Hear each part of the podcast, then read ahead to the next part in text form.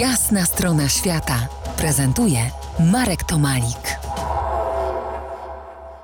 White Temple w Tajlandii to kolejna z osobliwości na architektonicznej mapie świata Feli Bilskiej, z którą rozmawiam e, dzisiaj właśnie o takich historiach z architektury.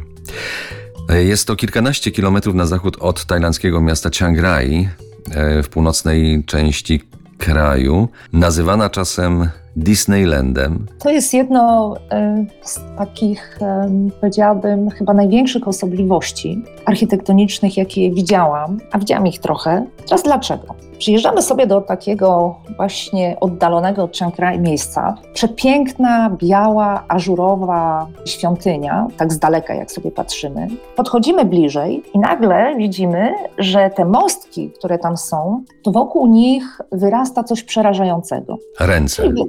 Ręce, twarze zastygłe w cierpieniu, takie rozczapieżone palce. I to jest, ja tak jak na to patrzyłem, to tak mi się wydawało. Ja się na architekturze nie znam, przyznam się ten nadmiar szczegółów, te, te, właśnie, tak jak mówisz, krzyczące te ręce, to jak kiedyś europejski barok, ale do dziesiątej potęgi. Tak, no bo mamy architekturę, która jest tym nośnikiem informacji, tak, że, że, że można mówić o przyszłości, o przeszłości i tak dalej.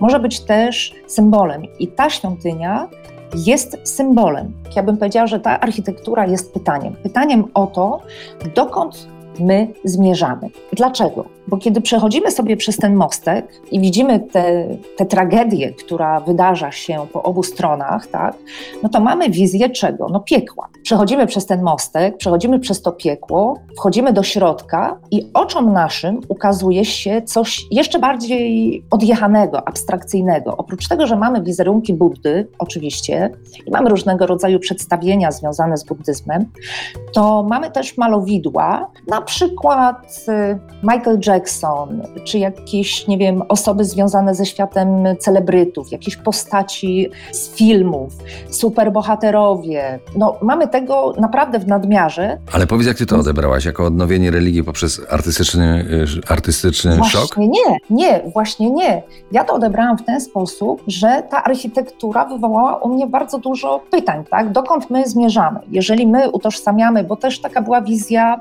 twórcy, tak? Że on chciał pokazać, że w dzisiejszym świecie my zamiast koncentrować się na tu i teraz i zamiast patrzeć na to, co się dzieje i mieć na to wpływ i kształtować, tak, i rozwijać swój potencjał, to my za naszych bohaterów bierzemy postaci fikcyjne, czyli oddalamy się od tej rzeczywistości. Sami sobie robimy krzywdę, tak, bo pod naszym nosem zaczynają się toczyć jakieś dziwne historie, na przykład wojny, na które nie mamy wpływu. I on dążył do tego, żeby zbudować mm, świątynię, która będzie właśnie skłaniała do refleksji, gdzie my jesteśmy. To było czytanie Wat Rong Khan czyli White Temple, Białej Świątyni w Tajlandii.